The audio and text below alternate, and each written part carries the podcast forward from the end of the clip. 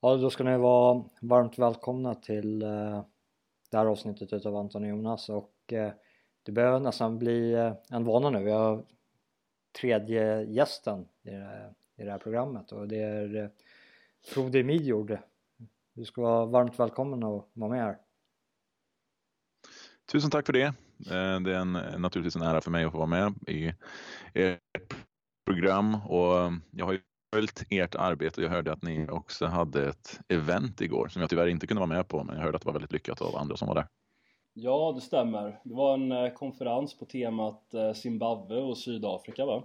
Ja, under Boer Project-parollen. Vi har ju vi har ju fått en ny rekryt där, Sanna Hill, journalisten från, från Nya Tider som kände, kände att hon eh, var lite, jag vet inte, begränsad kanske med papperstidningen och ville göra en del mer videoreportage och, eh, och ge täckning till den vita minoriteten som fortfarande existerar i Zimbabwe som fortfarande än idag har lite kniven mot strupen eh, sen eh, Mugabe-tiden. Men vi, mm. vi, hade en, vi hade en bra uppslutning, det var, det var eh, 100 personer och eh, tre föredrag utav med mig, eh, Sanna och, eh, och Anton och en väldigt givande panel, paneldiskussion därefter också. Mm, precis, det var jäkligt roligt faktiskt. Även om det var, jag måste säga att för mig, för mig personligen var det ju en utmaning att försöka säga någonting om, om, om de två länderna liksom. Det är ju inte mitt expertområde direkt. Nej, Nej alltså, det, det, det viktigaste vi försöker egentligen poängtera är ju att eh, i, i Europa och västerlandet i sin helhet så är det ju en strid om demografin och eh, jag tycker att eh, den demografiska kampen tar sig så väl i uttryck i Sydafrika och Zimbabwe. Det är liksom bokstavligt talat bildligt. Vilket gör det väldigt tacksamt att arbeta med och så sen bara försöka överföra den problematiken till, till Europa. Det är svårt att analysera de länderna utan att ta med demografin och rasdimensionen. Och det, det är en debatt vi behöver ha här hemma också. Så det, det är den bakomliggande eh, tanken eller agendan om man ska använda det ordvalet till, till det arbetet jag gör där. Stämmer. Men... Ja, nu är det inte jag som ska ställa frågor, men, men jag tänkte bara fråga dig Jonas, är det någonting eh, eh, som har förändrats eller har det hänt något nytt egentligen efter att du släppte dokumentären? Jag såg din dokumentär och hade eh, stor, jag ska inte säga stor glädje, men stor nytta av dokumentären. Ja. Eh, eh dels har jag fått väldigt, eh, väldigt bra feedback när det kommer till eh, den allmänbildande delen att eh, folk börjar känna sig mer bildade i frågan och att man kan slå hål på de här myterna som den svarta majoriteten och det liberala västlandet använder sig utav för att rättfärdiga den här förtryckande policyn mot vita minoriteten i Sydafrika. Att, att det finns en historiebildning över att eh, eh, de här svarta stammarna som idag dominerar Sydafrika har en mer legitim rätt till landet än eh, vad boerna har på grund av att de skulle ha varit där först. Och det stämmer såklart inte. De svarta var först i Afrika liksom, det är en svart kontinent men på den geografiska ytan som utgör Sydafrika så var faktiskt de vita som kom först via eh, havsvägen och eh, mm. bosatte sig på kustområden och bodde där i över hundra år. Alltså vi pratar tre, fyra generationer eh, vita europeiska ättlingar som bodde på en kontinent utan att ha något samröre med de här svarta stammarna för att de helt enkelt inte existerade på det här området. Och det är, det är inget mm. litet område utan vi pratar ett område som är lika stort som, eh, som Sverige. Så de träffade de här svarta stammarna först eh, 120 år efter de anlände och ungefär 100 mil därifrån de faktiskt eh, steg i land. Eh, mm. så, den allmänbildningen behöver sprida ut sig lite men jag tror det största genomslaget var att eh, eh SVT gjorde en dokumentär om farmarattackerna mot vita i Sydafrika med just hänvisningen till att vi är tvungna att göra den här dokumentären på grund utav hög, den så kallade högerpopulismen väcker den här frågan. Och eh, de menar på att det är en underrapportering och vi blir nedringda. Eh, våra e-postinkorgar är fulla utav eh, arga människor som frågar varför vi mörkar de här frågorna. Så nu visar vi att vi faktiskt ger täckning på det här med hänvisning till, till oss då, alltså de här högerextrema krafterna som har gjort anspråk på att äga den här frågan. Så det, det var ett eh, väldigt, väldigt stort genombrott. Och eh, det visar också på eh, det, det genomslag man kan få att man kan lyfta upp i diskursen att eh, det finns den här demografiska dimensionen till det. Och det är lite det jag vill fortsätta med med Sanna när hon åker ner till Zimbabwe och jag ska göra reportage åt oss där nere. Att man börjar ställa frågan hur kommer det sig att ett land kan gå från att kallas Afrikas kornbod till att idag dö svältdöden? Och det, fin det finns ju lite olika förklaringsmodeller där så man kan ju se det utifrån ett socialistiskt perspektiv över att eh, det är vad socialistiska välfärdsreformer leder till. Alltså kommunismen som Mugabe stod bakom. Eller så kan det helt enkelt vara så att eh, ett folks inneboende kapacitet att axla det ansvaret och den eh, civilisationen som européerna hade byggt upp att de inte var förmögna att föra den liksom, infrastrukturen och administrationen och byråkratin vidare och det bara kollapsade på sin, på sin egen vikt. Och, den, och börjar man prata i de här termerna, då börjar vi komma någonting eh, väldigt nära. Då börjar vi närma oss eh, kärnan i, i våra eh, utmaningar som vi måste tackla. Men, mm. men, men som du sa, det, det, det är du som ska bli intervjuad utav oss och jag tänkte innan vi börjar ställa frågor till dig så får du faktiskt ta och presentera dig själv för både när det kom till Karl Oskar som gästade oss innan här och Sanna Hill så kom presentationen utav dem först typ halvvägs in 30 minuter, 40 så, minuter in i programmet. Ja exakt, så med Karl Oskar så 37 minuter in typ så bara ja just det vi kanske ska bara berätta vem du är ja. överhuvudtaget. Och vi, vi börjar närma oss den tidsspannen med dig nu också här. Eh, så vi, vi överlämnar ordet till eh, Frode Midjord. Ja, tack för det. Eh, jag eh, heter Frode, jag har det kanske en del som känner igen mig sedan tidigare. Jag har haft en podd på svenska tillsammans med Jonas Dier som heter Mene Frego. Just nu så gör jag en eh, podd, inte så väldigt regelbundet, den, den gör jag när jag kan göra den, som heter Guide to Culture. Eh, som handlar om eh, mer om kultur som man kan höra på namnet. Vi har gjort, det har mest rört sig om filmrecensioner och filmanalyser och analyser av, av kultur generellt kan man säga. Eh, för att eftersom att vi inte har eh, budgeten som krävs för att ha vårt eget Hollywood där vi producerar filmer som når ut till miljontals personer och så. så en början till eh, en, en, egen kultur eller vad man ska säga, en egen kulturproduktion eh, är att åtminstone kommentera den kultur som produceras i mainstream och i Hollywood och så vidare. Så att försöker jag bidra till eh, i någon mån med, med det projektet. Och sen så har vi inte bara gjort om filmer, jag har också gjort eh, två intervjuer angående konflikten i Ukraina. Konflikten mellan Ukraina och eh, Ryssland ukrainska nationalister eller vad man ska säga och eh, Ryssland.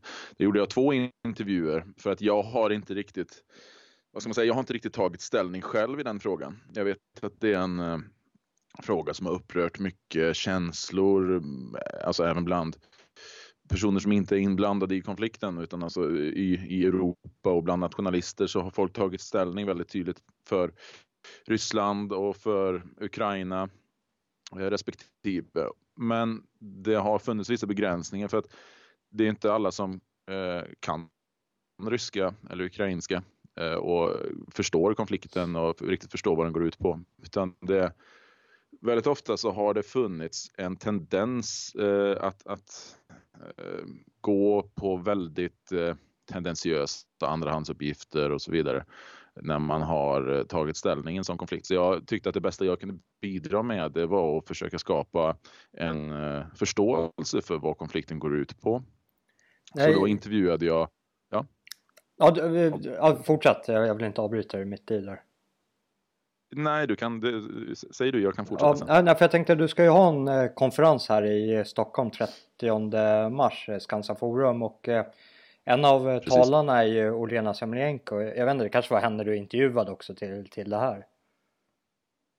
Det gjorde jag, precis. Eh, Olena, eh, Olena Semenjaka, hon eh, är eh, del, eller vad ska man säga, hon är, hon är delaktig i den konflikten, eller hon har tagit väldigt tydlig ställning. Hon är utrikessekreterare för deras nationalistiska parti. Ja, det skulle tilläggas att, att det, det, det är ju nationalistiska partiet är ju tätt sammanknutet till Lassov-bataljonen. Precis, det är det. Eh, och det har inte, alltså anledningen till att jag bjuder in henne det är inte för att eh, eh det har ingen relation till den konflikten i övrigt utan hon är liksom utöver den politiska gärningen som hon håller på med så har, är hon även en, en akademiker, en intellektuell eh, som före den här konflikten så, så forskade hon på universitetet. Alltså hon var aktiv i idéhistoria och höll på med eh, ett fokus på mm, den konservativa revolutionen i Tyskland. Eh, kanske speciellt fokuserat på Ernst Jünger. Så att eh, det är som intellektuell i övrigt och som, som nationalist. Hon är, hon är ju smått eh, nationalromantisk eh, eh, Eh, att jag ska uttrycka mig milt någon gång jag har träffat henne så finns de tendenserna. Jo, Absolut. men är, man märker det för jag vet inte hur många gånger du har träffat henne Jonas, men vi träffade henne när vi var i Ukraina i oktober. Mm. Och jag fick faktiskt tillfälle att prata ganska utförligt med henne. Och det slog, jag slogs av att hon var otroligt bildad, otroligt intelligent. Hon verkade veta precis allt om Julius Evola och Martin Heidegger och Nietzsche och och Jünger då, hon verkar otroligt bildad på just, på just det där. Det är, inte, det är inte ofta, eller det är inte ofta, det är väl en överdrift. Jag har aldrig hört en kvinna prata om, på det sättet om, eh, om filosofer. Nej, hon är, hon är extremt begåvad. Hon kan många språk och hon är väldigt insatt i de här sakerna. Och jag, jag har ju varit, eh, också varit i Ukraina och jag har eh, haft en föreläsning där i december. Och ja, ungdomarna som jag pratade med där som var inblandade i eh, Plåminklubben bland annat och sådär. De, eh, det är extremt begåvade personer alltså. Det är, inget, det, det, är inte bottenskrapet kan man säga utan det är väldigt intelligenta personer som är väldigt intresserade. Man kunde ha initierade diskussioner med dem om, om alla möjliga ämnen och sådär. Så, så det, det, är väldigt intressant. Eh, det som de håller på att bygga där metapolitiskt. Jag är mest intresserad av vad ska man säga, en idédebatt och så där. Jag är inte speciellt intresserad av den konflikten. Jag känner inte riktigt att jag eh, som utomstående ska kommentera den mer än vad som krävs och därför gjorde jag den, de intervjuerna. Och mycket riktigt den eh, intervjun för den ukrainska sidan så var det Olena som, som förde talan. Eh, ljudkvaliteten var inte så där väldigt bra så att eh, hon var tvungen att skriva eh, typ sina, sina argument och så vidare. Eh, så att eh, jag får väl göra en ny intervju med henne senare. Och för den ryska sidan så stod Alexander Dugin. Ja, du intervjuade Dugin där också alltså? Ja, precis. Och när du väger de här avsnitt. två mot varandra, för, Fick du, fick du någon ny bild utav, eh, utav konflikten där? Mm, ja, det kan jag väl säga på ett sätt att jag fick. Eh, eller nej, jag fick inte en ny bild utan den övergripande bilden den är väl ungefär som, som, som den var före intervjun också. Men, men den bilden skärptes definitivt. Alltså att, att jag fick en större kännedom om hur de ställer sig till olika frågor. Och det som var mest intressant eh, var kanske vad Dugin och Olena eh, var överens om, alltså det vill säga den vad, vad de som står för den ryska sidan och den ukrainska sidan var överens om. Och det var bland annat att eh, det inte alls var så att eh, den här, eh, vad heter han, Janukovic som då avsattes eh, i samband med revolutionen i början av 2014, februari 2014, att han inte alls var så där eh, ryss vänlig. Utan att det, han var en korrupt politiker som så många politiker är i den delen av världen så är det väldigt mycket korrupta politiker. Det är liksom miljardärer som, som sätter sig i en sån position och så gynnar de sina egna intressen och har kanske inte så där väldigt mycket djup i sin politiska och han var väl en som skodde sig och folk var missnöjda med honom och, och avsatte honom så att han flydde ur landet och en annan regering tillsattes. Så folk är väl inte så där vansinnigt nöjda med den nya regeringen heller.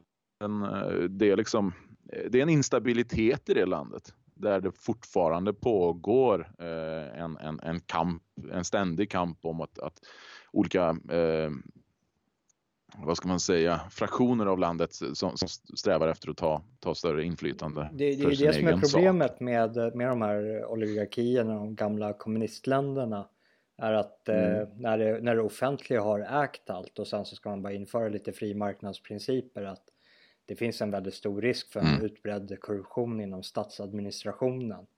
För helt plötsligt så sitter du på en mängd resurser som ska ut till den privata marknaden och då kommer den här kanske mm. nepotismen eller eh, oligarkkorruptionen när man ser till att föda sina vänner på ett väldigt gynnsamt sätt för ja, säkerställa sin egen framtid när man kanske lämnar den statliga administrationen.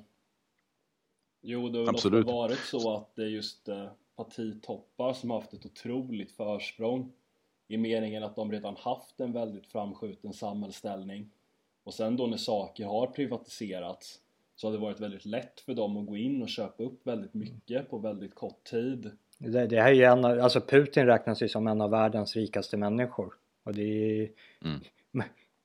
man, man ska inte bli rik på, inom det, liksom, det politiska fältet. Han har inte varit någonting annat än politiker eller en statstjänsteman. Men, och det, det, det är ju en korruption som existerar där också som vi kanske i nationella oppositionen inte gärna pratar om på grund utav att eh, många ser Putin som en förkämpe eller åtminstone som en motvikt mot en, eh, ett mång, mångkulturivrande väst. Mm, exakt. Och det, det, var faktiskt en av de andra sakerna som, som de eh, en av de två stora punkterna egentligen som de också var överens om att den här eh, vad ska man säga, demoniseringen av Putin från väst då, alltså från hela det politiska etablissemanget i Västeuropa och USA. Eh, att den inte har en ideologisk grund utan att det är en, det är en, alltså vad ska man säga, en geopolitisk maktkamp för att vad det gäller ideologi så, så är inte Putin någon liksom R-guy på det sättet. Alltså, visst, man kan, man kan se det som ett, som ett schackspel och där, där det i någon mån eh, kan, kan gynna oss att det, att det, att det inte finns en, en fullständig hegemoni från ett håll utan att det pågår någon kamp eller något sånt där. Att det finns ett geopolitiskt eh, strategiskt värde i det. Men eh, när det gäller honom som politiker och som person så alltså Putins Ryssland är ju ett multietniskt imperium. Han är ju inte etnonationalist, han är ju alltså, civic nationalist på, på, på ryska. Ja, på sin höjd. Eller, ja. ja på ryska kan man säga. Och det, eh, de som är etnonationalister i Ryssland, alltså de sätts ju i fängelse. Det, det, är väldigt, det är nästan mer repressivt mot ryska nationalister i Ryssland eh, alltså etniska nationalister då, som, som är motståndare till den här multietniska statsnationalismen som Putin står för. Eh, så, alltså, man, det, det, är det som blir lite grann skevt när, eh, när eh, personer i Västeuropa och i Sverige och så som inte kan ryska som inte kan den situationen alls. Eh, de går helt enkelt på linjen att SVT svartmålar Putin, då måste han vara bra. Ja. men, men, det, men det, situationen det finns är mer komplex än så. Ja, men det är, det är ju ganska intressant att eh, vi som är i nationell opposition eh, på det sättet som vi är, vi hade ju inte kunnat verka i, i Ryssland på exakt samma sätt som vi faktiskt gör i, i Sverige. Det hade blivit vi, vi har ju våra statliga repressalier mot oss, liksom systemet och etablissemanget mm. försöker ju motverka oss med, med vad de anser är legitima medel, vilket oftast är kanske social utfrysning och eh, att man tillåter fack att utesluta och att man inte får ta del av arbetsrätt och så vidare. Men, eh, men i Ryssland så har de ju egna metoder som kanske är lite mer hands-on. Precis, och det är väl egentligen ett arv från skillnaden mellan den hårda totalitarismen i Sovjetunionen kontra den lite mjuka totalitarismen i socialdemokratins Sverige till exempel. Alltså man har lite olika sätt att kontrollera samhället. Och de metoderna lever ju kvar lite grann i, eller i ganska stor utsträckning om man frågar vissa, vissa ryssar. Alltså jag, menar, jag, jag känner ju nationalister i Ryssland också. Så att, man ska inte tro att det är en konflikt mellan, eh, mellan Ukraina och Ryssland heller utan det är ju eh, mellan olika politiska uppfattningar. Så, så, det är en ganska komplex fråga. Det, det är lite grann det jag vill få fram också för att det, det, det är väldigt, folk är väldigt snabba att ta ställning till en fråga som de inte känner till så där vansinnigt mycket om kan jag tycka. Jag vet inte om ni har samma uppfattning eller samma erfarenhet? Jo, absolut. Att folk tar ställning till saker som de inte känner till, eh, det är ju, det är ju givet men just den här konflikten har väl varit otroligt infekterad på ett sätt som inte riktigt är i, i proportion till vad den egentligen borde betyda för, för svenskar Ja, jag, jag, jag är lite inne på, på Antons linje där också att eh, eh, vad jag kan liksom urskilja från, från vissa delar utav liksom den nationella oppositionen är att de eh, hamnar i ett för högt abstraktionsplan där de försöker delta i ett geopolitiskt spel där vi inte existerar som en maktfaktor. Och eh, eh, det, det är det jag skulle vilja att, liksom, att man fokuserar på det, det man faktiskt kan förändra och det är ju, det är ju knyta de Eh, band framförallt i sitt eget lokalsamhälle och eh, organiserar sig utifrån det och ser till vilka aktörer är som kan vara gynnsamma för våran gruppering. Och eh, då ser jag till exempel de som jag känner i Ukraina har varit gynnsamma för mig själv och de som jag har arbetat med i väldigt positiva ordalag oavsett hur det geopolitiska spelet ser ut. Eh, så, så, jag tror att mm. man, man, man måste Exakt. analysera den där konflikten utifrån lite olika nivåer och så man verkligen pratar om mm. samma sak.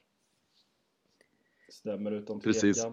Men nu, nu var vi ju inne lite på att prata om repression och det är kanske är ett bra mm. tillfälle att glida över till det som faktiskt är kvällens ämne det vill säga anarkotyranni och en konferens som du ska anordna snart som kommer ha anarkotyranni som sitt övergripande tema och du är ju arrangör Exakt. av eh, det som kallas för Skansa Forum som är en väldigt, väldigt, som jag tycker väldigt, väldigt lyckad serie av konferenser som alltid har varit väldigt välorganiserade och nu är det ju snart dags igen så du får ja, vi kommer väl komma in mer på anarkotyranni och på konferensen men, men du får, får gärna ja, introducera det här konferenstillfället helt enkelt. Precis, eh, det är alltså den 30 mars, eh, sista lördagen i mars, eh, om tre veckor ungefär, knappt tre veckor, så är det en Stockholm. Eh, det är det Skansa Forum som eh, har sin konferens. Vi började 2017 och har haft eh, två konferenser i Stockholm, eh, en i Oslo, en i Köpenhamn och nu är det dags för Stockholm igen. Eh, för den tredje gången i Stockholm alltså. Eh, och det vi kommer att prata om är som du säger, det är anarkotyranni. Eh, vi har en, eh, en talarlista som jag är väldigt nöjd med. Jared Taylor, honom känner de flesta till tror jag. Han eh, grundade American Renaissance i början av 90-talet. Amren, han arrangerar Amren-konferenserna som är kanske de, de liksom största, mest prestigefyllda eh, nationalistiska konferenserna i, ja, i, i, i världen i, i den kategorin skulle jag säga. Han har skrivit flera böcker. Hans böcker har för övrigt blivit förbjudna på Amazon. Eh, White Identity bland annat och, och paved, paved, with Good Intentions och, och, If We Do Nothing är väl de tre kändaste böckerna. Sen så har han redigerat lite andra böcker och, och sådär. Eh, men han, eh, han har varit en väldigt aktiv talare och väldigt aktiv skribent över lång tid och har en Youtube-kanal och sådär som är väldigt populär och han är väl kanske den liksom äldsta, mest, eh, eh profilerade eh, ledaren i liksom det som kallas White Nationalism, White Advocacy och så vidare. Så har vi Mark Collett som är brittisk eh, veteran kan man säga. Han har varit med länge sedan början av 2000-talet som offentlig representant för eh, BNP, British National Party eh, från början. Nu är han mest känd troligtvis som eh, programledare på ett eh, väldigt populärt Youtube-program som heter This Week on the Alt-Right. Som han har tillsammans med två andra personer som har, eh, jag vet inte hur många följare de har, men en åtta kanske. Eh, så det, det, är väldigt populärt. Eh, han, han är väldigt duktig. Han gjorde bland annat en väldigt intressant kommentar till den här dokumentären som Tommy Robinson släppte för någon vecka sedan. Eh, där han den här brittiska organisationen Hope Not Hate eh, som, som då har en semi-officiell ställning här fast de är alltså ännu, vad ska man säga, på, på, en, på en lägre, lägre nivå. Alltså, de, de kör med lägre metoder. Det, generellt alltså den, den brittiska vänstern är ganska Eh, alltså ful, kör med väldigt mycket fula knep och är, uppför sig väldigt, eh, väldigt illa på det sättet. Så att eh, det, det, är en, det är en, och det återspeglar sig även i att Storbritannien har, har ett extremt repressivt samhälle kan man säga. Och sen är det precis som vi pratat om, Olena Seminjaka, hon kommer också tala. Hon, henne har jag redan presenterat, hon är från Ukraina och hon är då stats, inte statsvetare, vad heter det, idéhistoriker som hon har hållit på med, med främst med den, eh, eh, den eh, konservativa revolutionen i Tyskland och hon eh, är som sagt väldigt begåvad. Så hon är den första kvinnliga talaren som vi har och hon är inte, eh, hon är inte inkvoterad på grund av sin anatomi utan fullständigt på intellektuella meriter som hon är inkluderad. Eh, och sen så är det Greg Johnson som är eh, doktor i filosofi, grundare av Countercurrents Eh, och nu är han mest aktuell med boken eh, The White Nationalist Manifesto som, eh, som jag kan rekommendera varmt och som också har blivit förbjuden på Amazon. Och det för oss väl över lite grann till, eh, till temat för konferensen och det är just eh, anarkotyranni. Eh, anarkotyranni som begrepp det myntades av Sam Francis, Samuel Francis i början av 90-talet, 92 tror jag han skrev den här artikeln som han, där han myntade begreppet narkotyranni. Han har själv definierat det som “They refuse to control real criminals so they control the innocent”. Alltså, they refuse to control real criminals, that's anarchy, so they, so they control the innocent, that's tyranny.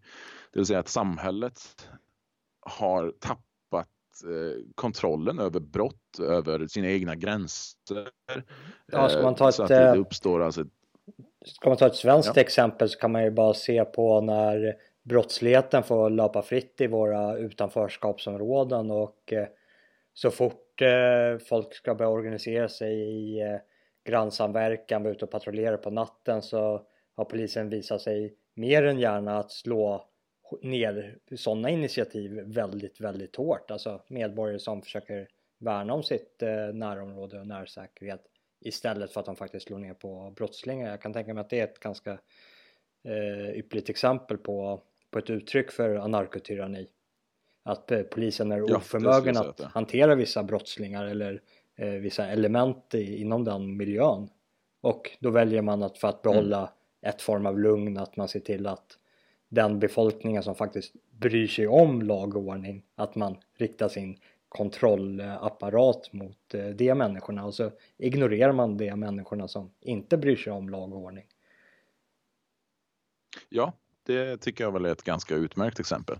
Och det, det, finns, vad ska man säga, det finns lite olika nivåer av konspirationsteori i det här. Alltså det, är vissa, det, det är allt ifrån de som menar att polisen, de inte kan göra någonting åt brottsligheten, de har tappat kontrollen. Till, till det är liksom den ena sidan av, av, av den här, vad ska man säga, det spektrumet då. Den andra sidan, den andra änden, det är att de medvetet har släppt loss brottslingarna för som ett sätt att, att, att terrorisera eller kontrollera befolkningen som ett maktmedel.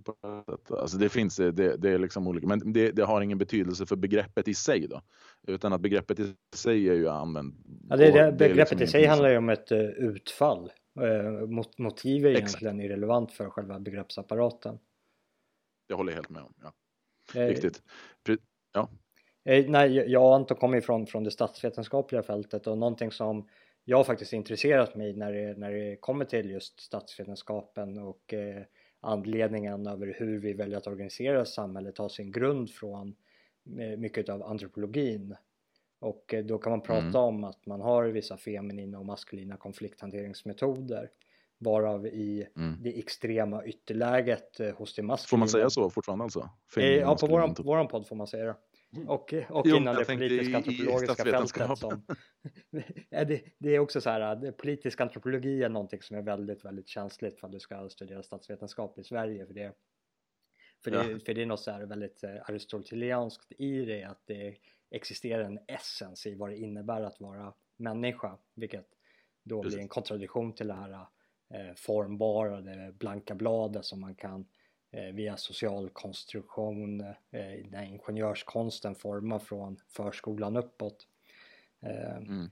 Men, ja, nej, men ytterläget i maskulin säkerhet och konflikthanteringsmetod är ju en extrem hård kontroll där man faktiskt är mm. väldigt konfrontativ mot störande element och i motsatt ände så har du ju feminina konflikthanteringsmetoder och vi lever i ett väldigt feminiserat samhälle här i, i Sverige i synnerhet. Och det är därför jag tror, tycker mig kunna se anarkotyrannin på ett sätt som man nästan kan betrakta utifrån den här antropologiska linsen över att den kvinnliga konflikthanteringsmetoden mot en fiende ur ett historiskt perspektiv kan beskrivas mer som en tend and befriend beteende över att man är undergiven och eh, man underkastar sig den vinnande parten i olika konflikter.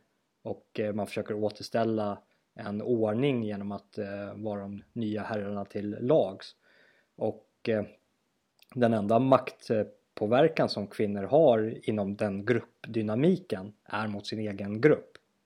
Mm. för det är de enda som bryr sig om de här eh, verbala kommunikationsmedlen som de besitter Män besitter mm. istället icke-verbala kommunikationsmedel i och med att vi kan slåss, så vi kan kommunicera med andra grupper. Kvinnor kan mm. inte kommunicera med andra grupper, så de är andra grupper till lags. Och så väljer de att kommunicera med den egna gruppen. Så eh, jag, jag, jag, kan se en, alltså fall vi kollar bortom konspirationsteorierna till varför det här systemet är infört så kan jag se mm. naturliga förklaringsmodeller till varför vi får sånt här samhällsutfall speciellt i ett väldigt feminiserat samhälle. Sen så kan det ju definitivt korrelera med liksom bakomliggande tankar och att det kanske är någon som eh, blåser eh, liv i elden så att säga. Men det, det, det är oftast min, eh, min största kritik mot eh, de här större konspirationsteorierna och över att ja men tar man till exempel Majdan-protesterna för att vi ska återknyta till Ukraina-konflikten över att det var mm. någonting som var konstruerat utav det amerikanska utrikesdepartementet eller CIA eller deras nationella säkerhetsenhet eller vad som helst. Men mm.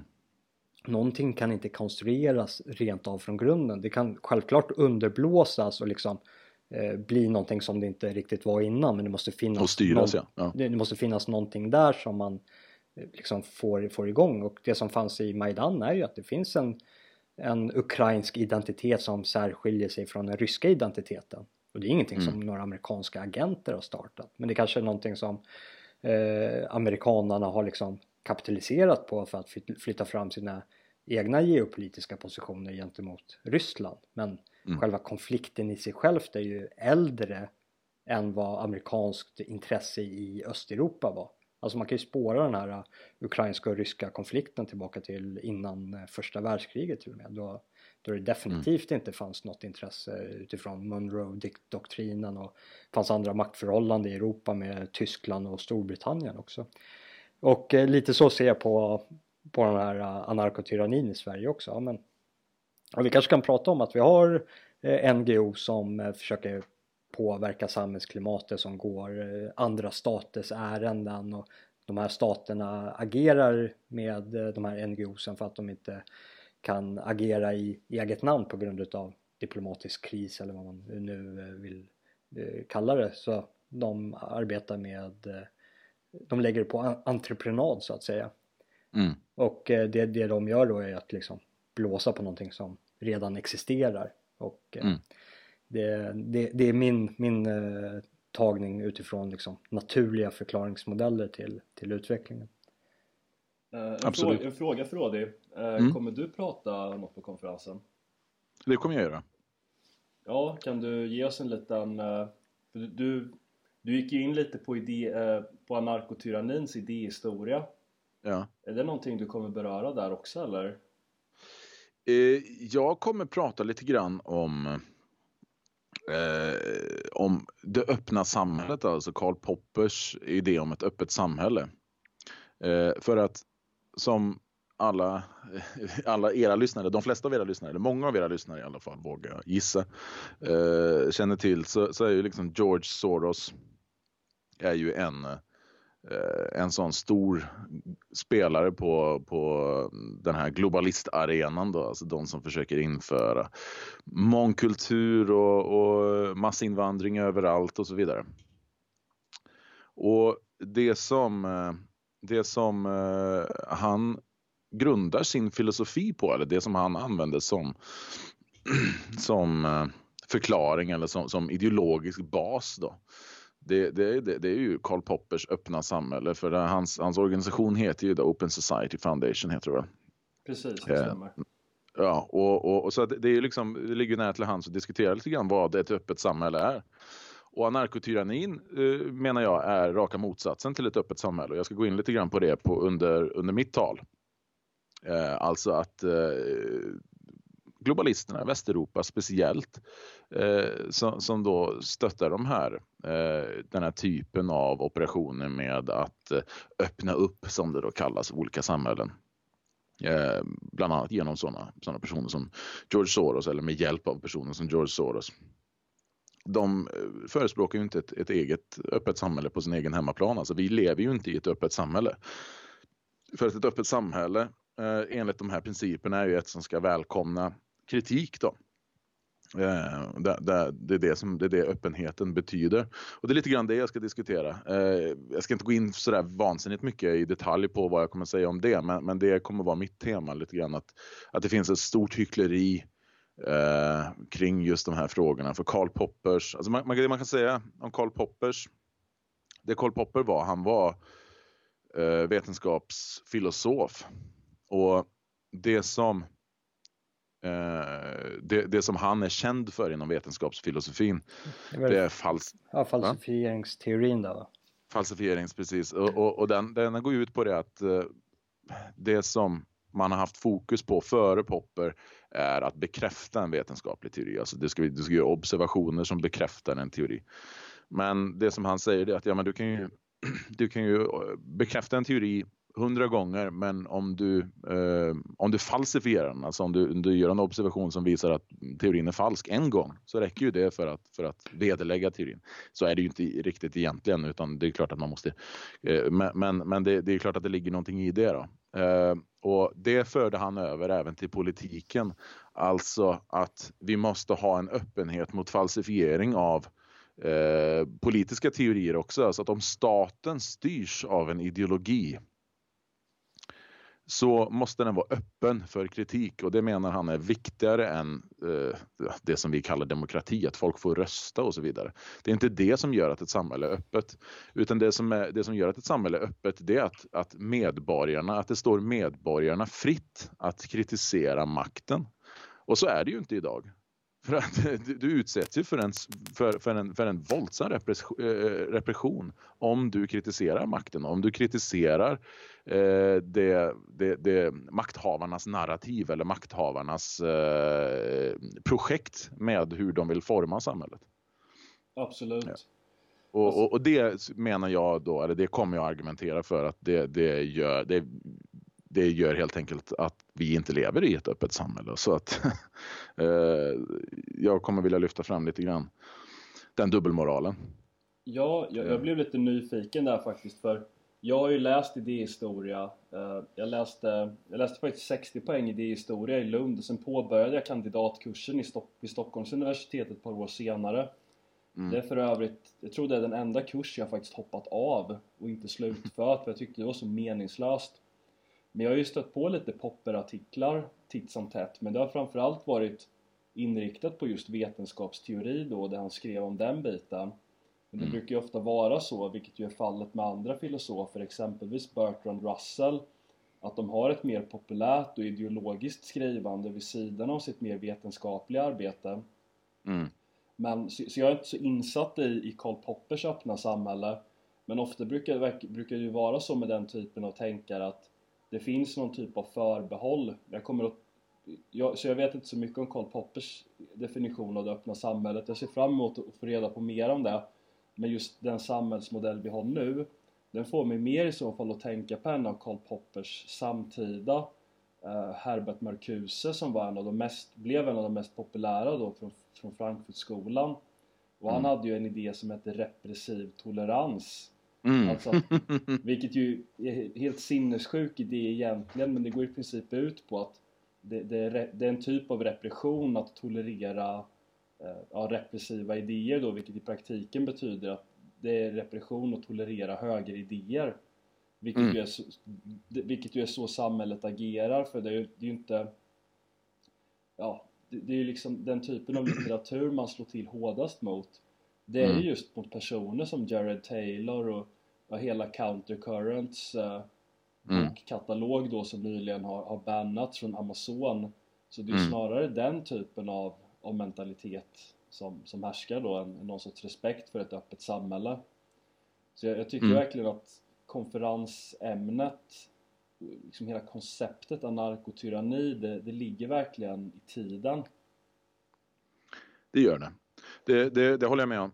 alltså, Eh, precis som du säger, alltså, eh, just, just när det kommer till Frankfurtskolan, Marcuse och, och eh, även senare ju som Jürgen Habermas och de här personerna som då hittade på den här typen av eh, sätt att sminka upp eh, totalitarism så att det ska låta ut, låta, eller hö, höras, höras ut heter det på norska, jag ber om ursäkt, att jag börjar prata svorska, men att det ska låta som eh, eh, demokrati, att det ska låta som frihet repressiv tolerans. Eh, en annan idé var eh, deliberativ demokrati som de hade.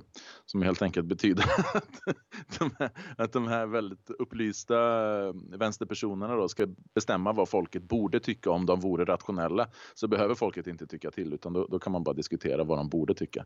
Ja, uh, alltså det, det är där, där när, min erfarenhet med Karl Popper ungefär samma som Anton att det var någonting som var väldigt återkommande i i våra metoddelar inom, eh, inom statsvetenskapen och det var en del, hel del fokus på falsifieringsteorin och eh, men själva idén över att eh, men, eh, en vetenskap, det är, det är bara sant fram till dess att någonting har falsifierats. Så vi får liksom bara förutsätta att det, det som vi betraktar som sant idag är bara sant till dess att det har motbevisats. Det finns, finns en sån koppling till det. Men jag gillar inte riktigt den appliceringen som man gör till det politiska för det finns ingenting som heter sant i det politiska. Liksom politiken är ämnad till att främja vår grupps intressen. Och det kan man ju mm. definitivt säga att om det politiska idag i Sverige är inte för att främja vår grupps intressen utan vår grupp förnekas ju. Så det är ju mm. från vår grupps perspektiv så är det ju definitivt inte sant. Men mm. då kan man ju fråga sig, ja men vilka, vilka problem är det vi har i vår grupp. Ja, vi har problem med individualism, vi har problem med feminism och eh, all det de här sakerna har gemensamt är ju att det, det, det är ett nedkämpande utav det egna kollektivet. Det är ju eh, någon som har nästan, alltså det här är ideolog, ideologier som man skulle vilja skicka till en fientlig grupp. Alltså det, det kan betraktas som ett fientligt angrepp nästan. Mm. Så det, det är ju sant men för en annan politisk gruppering än vår egen. Mm. Och det, det, politiska är ju den här ständiga liksom, eh, gruppdynamiken fram och tillbaka där egna svaren för hur du ska bedriva politiken ändras beroende på vad du möter, vad är det din politiska fiende gör och hur förhåller han sig till dig? Det kommer mm. också ändra dina svar till det, så det, det, finns liksom ingenting som riktigt går att falsifiera så där, därför är jag lite kritisk till till den här vetenskapsfilosofin applicerat in på det politiska klimatet. Ja, nej, nu, nu, ska inte, nu är det inte så att jag kommer förespråka Popper eh, eller att jag, att jag kommer argumentera för, att, eh, för, för hans ideologi utan det, det jag vill visa, eller det, min poäng är helt enkelt att, de, att våra samhällen, alltså att vi eh, som alltså George Soros och de, den typen av personer som använder den här ideologin som grund för att förespråka ett öppet samhälle i olika eh, andra länder att våra egna länder inte uppfyller de kriterierna. Det är helt enkelt det, väl, att det, det, finns ett hyckleri där för att vi inte har ett öppet samhälle. Sen så att, att eh, Nej, vad som är sant eller inte, det, det är inte riktigt det som är poängen eh, som jag förstår Popper, utan eh, det, det, det, som, det som man menar är att, att eh, makthavarna eh, aldrig är felfria och därför måste samhället och, och, och, även makthavarna måste välkomna en kritik och det är det att det ska finnas en det, ska, det, det, jag ber om ursäkt, nu är det någon som ringer. Det, det, måste finnas en öppenhet för kritik och det, det, är helt enkelt det som, som saknas i vårt samhälle. Det är det som är, ger oss en narkotyranni. Så att jag, kan, jag kan tycka att det finns eh, en, en, eh, någonting sympatiskt med att det är klart att du måste kunna få kritisera makthavarna och makthavarnas projekt. Då. Ja, det, det kan ju till och med vara gynnsamt för, för egna gruppen för det är ju många gånger eh, makthavare sitter, alltså även fast makthavarna vill gruppens väl. Alltså för vi pratar mm. nationalistregeringar och gamla kungar Precis. under en tid där man faktiskt värnar sin egen grupp. Att mm. de levererar gamla svar på nya utmaningar där faktiskt mm. de måste tåla kritik och självrannsakan över att ja, men, levererar jag faktiskt rätt svar mot eh, rätt fiende vid det här tillfället det, det... Jag tror snarare att, ja, precis, jag tror snarare att det, ska, att det ska ses lite grann som ett, en metod snarare än ett sanningsanspråk. Alltså att, att eh, den vetenskapliga metoden med falsifiering, det är att, att eh, om man fokuserar med att hitta brister på teorin istället för att bara bekräfta den så, så, så kan man kanske eh, göra större framsteg på det sättet och hitta, hitta felen. Samma sak i ett samhälle att, eh, att om, du, om samhället är öppet för kritik, eh, det är alltså det som är motsatsen till totalitarism. Då. Alltså, totalitarism i, i den här definitionen, eller så som han pratar om det, så som jag uppfattar det, det är att, att makthavarna ser sig sitta på en sanning. Eh, de har en ideologi, de har en, en, en vision och så kommer och så, och så ska de påföra det eller de ska, då, då ska de eh, förverkliga det genom samhället. Men det, det, då... finns ju, det finns ju ett problem också för ett samhälle är öppet för kritik, att det kan också mm. betraktas mm. som som en svaghet som en politisk fiende kan kapitalisera på genom att eh, underblåsa eh, destruktiv kritik. Mm. Och eh, det är ju det som gör att vårt svenska etablissemang, de är öppet för kritik utifrån mm. sitt eget perspektiv. Men det de menar på att den svenska nationella oppositionen är, det är mm. ju en destruktiv samhällsomstörtande kritikerstorm som är underblåst från Ryssland. ja, absolut nog. Det är ja. otroligt. Det, det, är väl för att fortsätta på temat vetenskapsteori så är det, det är någonting man skulle kunna kalla för en ad hoc-lösning då. Mm. Alltså något, något sätt att försöka bortförklara ett uppenbart fel då, att man, man lägger till att ja men de här människorna är ju ryska agenter så vi behöver ju inte lyssna på dem. Ja. Och sen är det helt eh, ovidkommande att de faktiskt har varit i Ukraina och tagit ställning i, i konflikten mot Ryssland. Ja, det hittade de ju också sätt att kapitalisera på. Men, men någonting som jag har tänkt, och vi var faktiskt inne lite på det temat innan, men, men det är att anarkotyranni beskriver ju en väldigt kraftig asymmetri i samhället. Där mm. staten riktar in sig väldigt hårt på människor som ändå får anses som, som laglydiga. Samtidigt mm. som man ser mellan fingrarna egentligen med väldigt grov brottslighet, vilket ju är fallet med Sverige idag.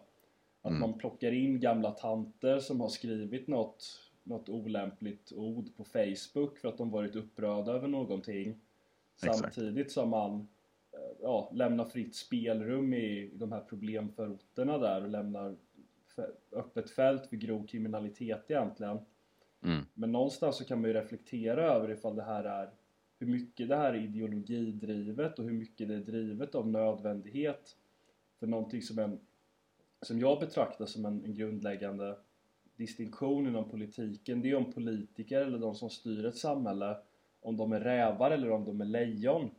Alltså om de förlitar sig på manipulation eller om de förlitar sig på styrka för att kunna driva sitt ledarskap. Och svenska politiker har ju under århundraden egentligen förlitat sig på manipulation. Alltså man har, man har lurat välja, eller man har lurat och lurat, man har fått välja grupper att rösta på dem genom sin retorik, man har köpt väljargrupper genom att eh, lova olika välfärdsförmåner och så vidare. Men nu har vi ju stora grupper i samhället, ja, invandrade grupper då, som, eh, som beter sig på ett sätt som svenskar vanligtvis inte gör kollektivt. Och, och då är frågan då, eller det de gör, det är att de hanterar de här grupperna som, som rävar skulle göra. Alltså genom att försöka köpa, köpa, köpa deras eh, välvilja så att säga.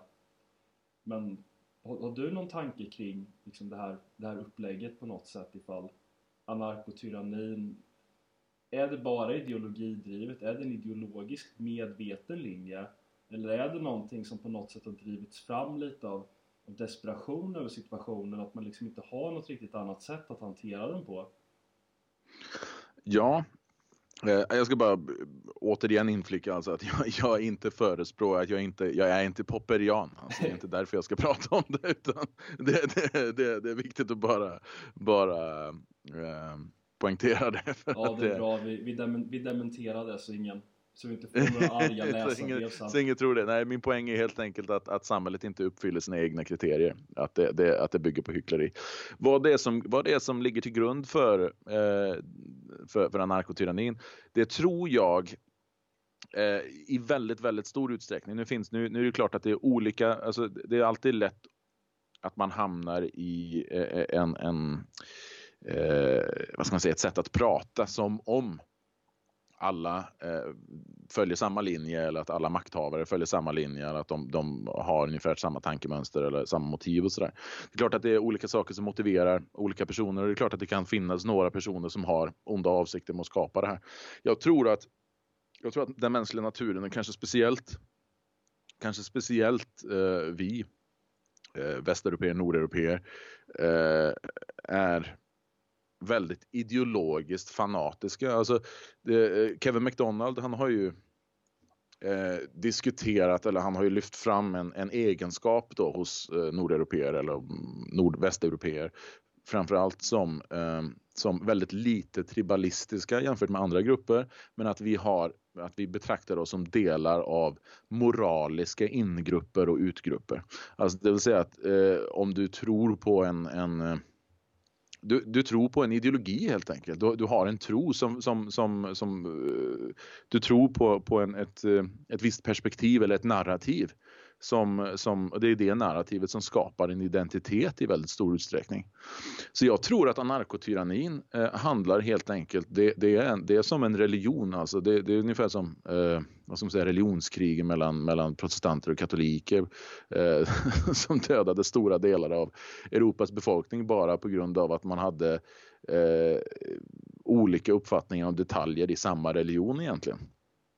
Så då hade man liksom eh, en ganska stor procent av Europas befolkning på det sättet i ett inbördeskrig. Och på samma sätt så, så är det så att man vill upprätthålla ett narrativ. Nu har man bestämt sig för att uh, diversity is our greatest strength. Och, alltså det finns en massa plattityder och, och man har investerat så mycket av sin egen trovärdighet uh, och, och, sin egen självbild i att man upprätthåller det här narrativet så att man till varje pris inte kan, kan släppa taget om det.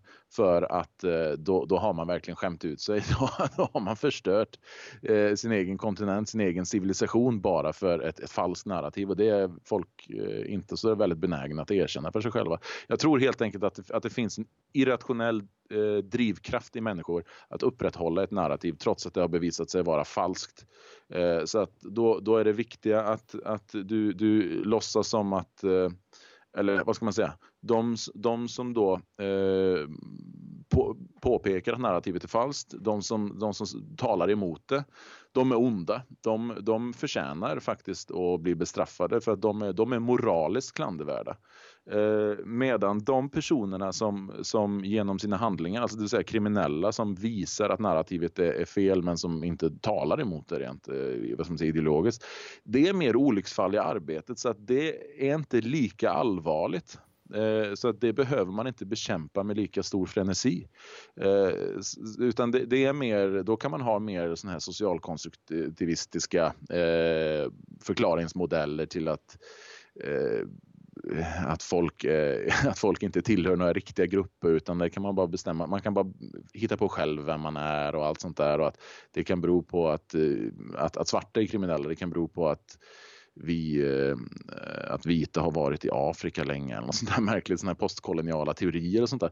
Alltså, helt enkelt att narrativet måste upprätthållas till varje pris och, och då måste man strängt bestraffa de som eh, talar emot det, men de som då eh, Eh, det, det, här, vad ska man säga, eh, olycksfallen i arbetet, eh, alltså det vill säga den riktiga eh, brottsligheten och, och, olika terrorism och sånt där.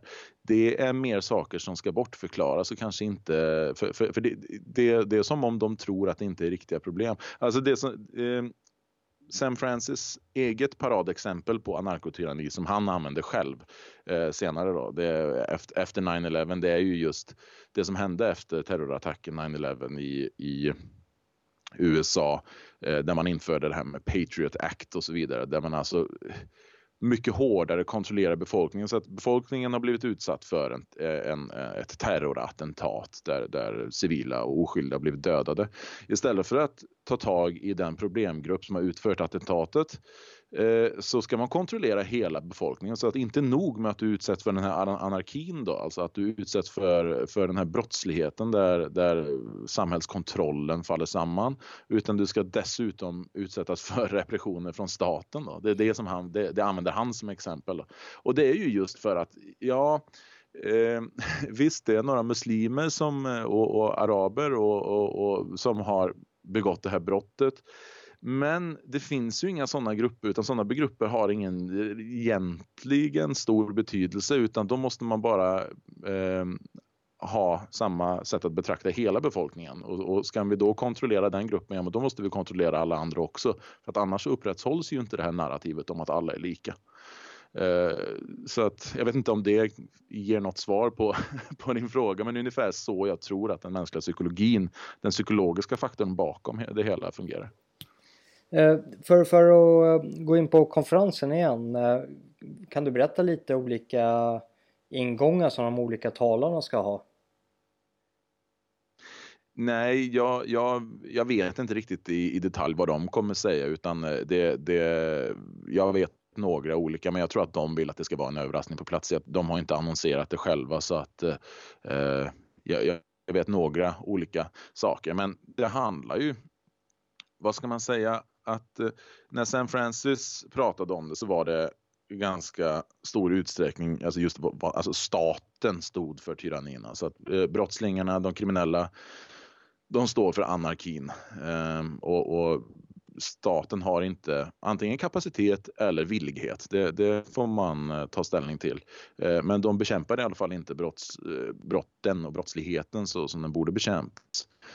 Eh, men staten eh, lägger då mer energi på att bekämpa de som eh, Alltså det vill säga den som säger att kejsaren är naken. Alltså det vill säga att staten är väldigt benägen att bekämpa de som påpekar de här bristerna i samhället. Och alltså jag breddar ju begreppet och det skulle väl säkert San Francis också göra eh, till att inte bara ha med rent statliga institutioner och så att göra utan grupper som ADL eller SBLC eller Expo i Sverige eller andra som försöker eh, skapa en självcensur bland befolkningen, alltså eller skapa en mentalitet av, av ja, men att utöva eh, lite olika får... former av påtryckningar. Exakt, exakt. Och det är en del sådana såna grupper som det kommer vi definitivt diskutera, eh, bland annat. Det kan jag i alla fall avslöja att, eh, att sådana grupper är ju väldigt viktiga att diskutera ehm, för att de har ju en, jag tror att du pratade lite grann om det här tidigare i vårt samtal nu eh, Jonas, om att, att eh, staten har outsourcat den här repressionen till andra icke-statliga organisationer så att de inte behöver ta ansvar för det. För då kan man ju låtsas, då kan vi ju säga att, eh, att nej men det finns visst yttrandefrihet men du kan inte praktisera den för då finns det någon, någon icke-statlig organisation med semi-officiell status som, eh, som utövar påtryckning mot dig så att du faktiskt inte kan göra det ändå. Då. Ja. Och där ser man ju en ganska stor skillnad mot typ ärliga stater som, eh, jag vet inte, om man ska ta ett extremexempel i Saudiarabien där, där ligger ju inte upprätthållandet utav sedlighetslagarna på någon entreprenad till, eh, till någon eh, ideell förening utan det, det, är ju direkt knutet till statsmakten. Och mm. eh, skulle vi ha åsiktspoliser i Sverige i motsvarighet till deras sedlighetspoliser så hade det liksom inte gått mm. att gömma sig bakom att vi är en liberal demokrati. Men det går att gömma sig att man är liberal demokrati om man lägger det på entreprenad som du sa till, till, till exempel Expo och andra åsiktsjägare. Mm. Ja, det är vakthundsorganisationer, precis. Och sen så eh, en annan sak som jag väldigt gärna vill belysa och, och, och så, som, jag, eh, som vi kommer diskutera. Det är en annan aspekt som, som har blivit mer aktuell nu än det var på 90-talet när eh, när San Francis var aktiv som skribent och det är ju att det offentliga utrymmet i sig har förändrats. Alltså yttrandefrihet i en stat eh, i all ära och så, men, men det är ju inte riktigt i stater och liksom, det är inte på ett torg och i demonstrationer och så vidare som, där, där yttrandefriheten och och den, den, politiska debatten förs. Utan de förs ju på Twitter, de förs ju på liksom, vad ska man säga, globala internationella företagsarenor. Eh, det, det är där den offentliga debatten förs och det är där det offentliga utrymmet förs.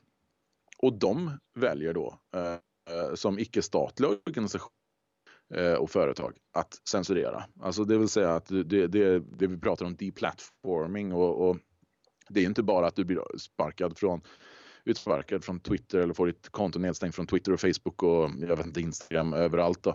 Eh, men du blir utsparkad från Paypal. Du kan inte göra internationella transaktioner lika lätt som alla andra. Du blir, eh, folk har blivit bannade från Airbnb. Du kan inte bo på liksom ja, den moderna tidens hotell. Då. Alltså, du, du kan inte resa som andra. Du, du, folk har blivit bannade från Uber. Du blir bannad från att resa till olika platser. Alltså, det, det finns en extrem eh, ja, just vad gäller resor så är det ju staten naturligtvis som bestämmer vem som får komma in eller inte. Men, men, men det finns en annan typ av maktarena som ja. utövar censur idag. Då. Du, du blir ju ett lovligt byte för de här aktörerna. Exakt. I och med att exakt. Vi, vi i det här sammanhanget blir då rättslösa. Mm. Absolut. Och det, det måste... Det, det, jag kan ju bara säga liksom, jag, jag, jag, finns ju fortfarande kvar på Youtube, vi, vi är på Spreaker med den här podden och mm. eh, vi existerar på Facebook fortfarande och Paypal är kvar och liksom finns på, på andra olika plattformar också. Men ett eget exempel är ju när vi betalar in till, eh, till staten för att de ska tillhandahålla vissa samhällstjänster och sen mm. så blir vi deklassificerade som andra klassens medborgare när vi inte får ta del utav dem. Mm. Och det är ju till exempel att ja, men bara hyra de här lokala Folkets hus som mm. är i kommunernas regi i olika orter. Det är en mm. otänkbarhet för, för nationella. ja. Trots att det är vi själva som finansierar det. Exakt. Och det sitter ja. så här småpåvar, alltså det sitter små statstjänstemän och tar de här politiska tunga besluten, för det är vad det är. Det, ja, det är klart det. tunga politiska beslut som de tar sig mandat av att ta.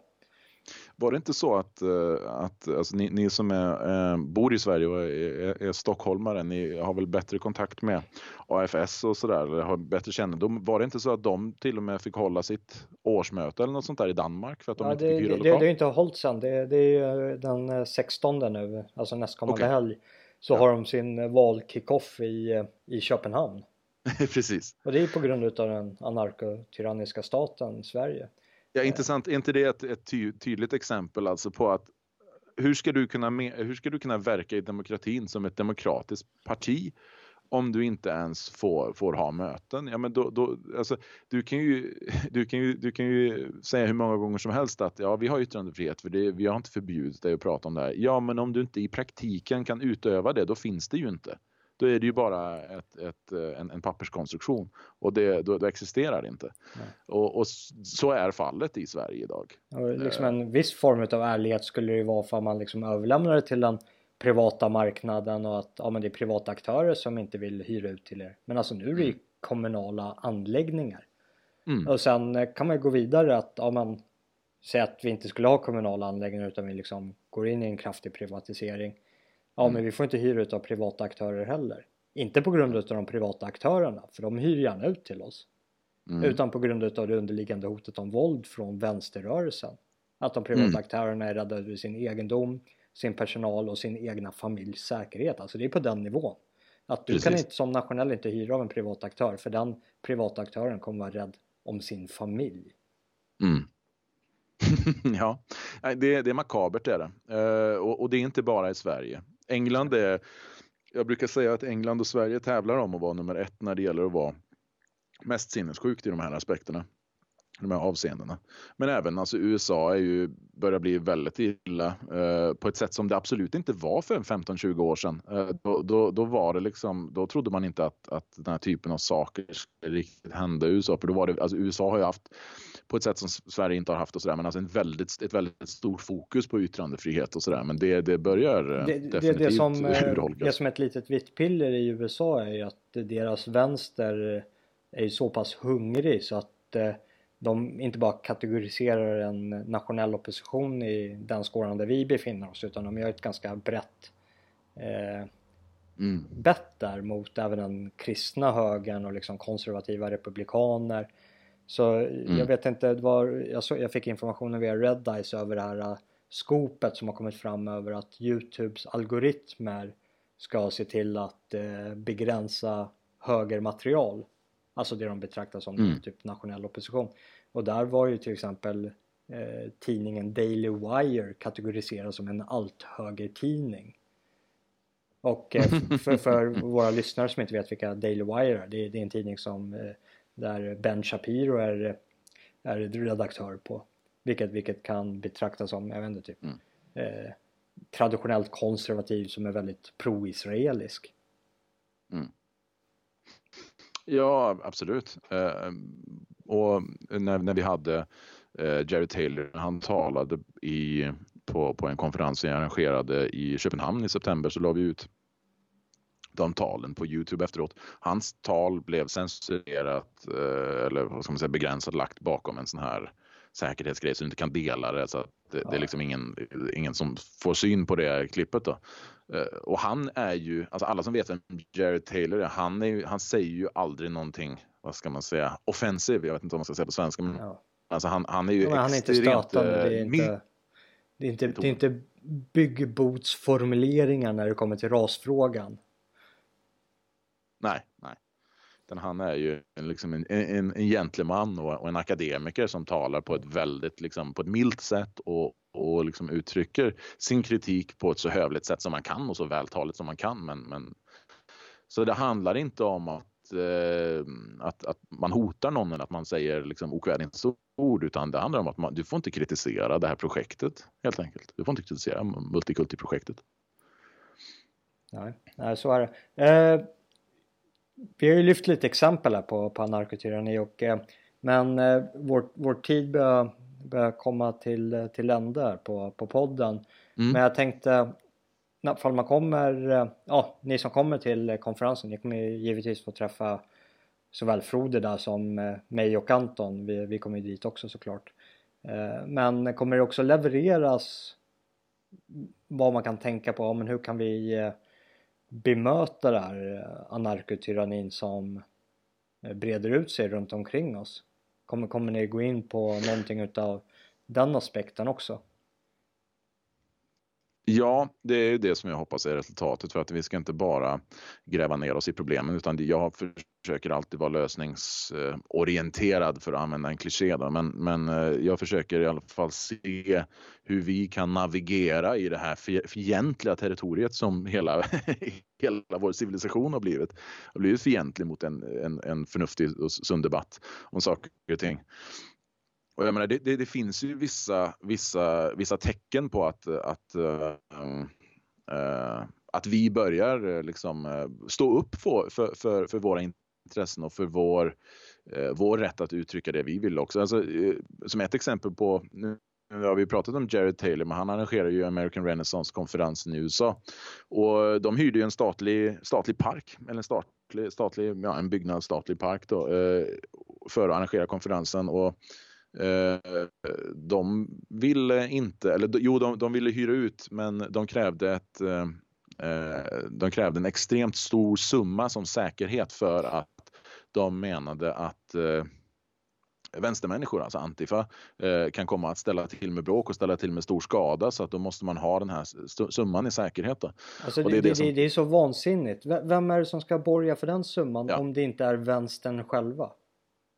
Exakt, och det, det, är precis det som har eh, eh, som nu vann faktiskt eh, Jared och, och American Renaissance. De vann i rätten för att det finns en, eh, en, eh, en lag i USA då som heter the Hecklers veto.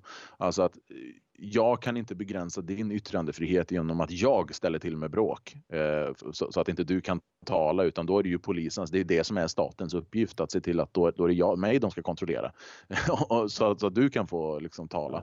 Eh, så att det, det, är förbjudet i USA. Så, men, men det, en, det är ju naturligtvis en, en väldigt dyr, det är en väldigt dyr process att, att uh, gå igenom flera rättegångar för uh, för att få igenom ett sådant beslut. Så att det men, men där, sätt, där, där, kan man ju också se, se ett tydligt eh, maktspel inom det anarkotyranniska. För vi kollar på till exempel Sverigedemokraterna för 10-15 mm. år sedan när de var ute på torgmöten eller någonting. De fick utstå mycket spott och spe och eh, misshandel och stenkastning. Och eh, det var en väldigt stor stark vänsterpöbel som eh, polisen kunde välja att konfrontera och försöka kontrollera den. Eller så var det mm. en liten grupp laglydiga människor i form utav SD som de kunde välja att kontrollera. Så det fanns ju liksom en friktion Exakt. i arbetsvalet över liksom okej, okay, vill vi ha en eh, smidigt genomförande här, ja men då väljer vi att fokusera på att kontrollera SD-erna snarare än de som faktiskt attackerar SD-erna. Och sen eh, mm. när SD då kom in i riksdags, riksdagen och har blivit lite mer etablerat parti så har väl polisen varit tvungna att eh, omrevidera den strategin tillsammans med att mm. gatuvänstern faktiskt har blivit väldigt, väldigt svag i, i vänster ifall du jämför med början av 2000-talet. Exakt, och det, det, det, tycker jag faktiskt är ett av de väldigt tydliga exemplen på anarkotyranni.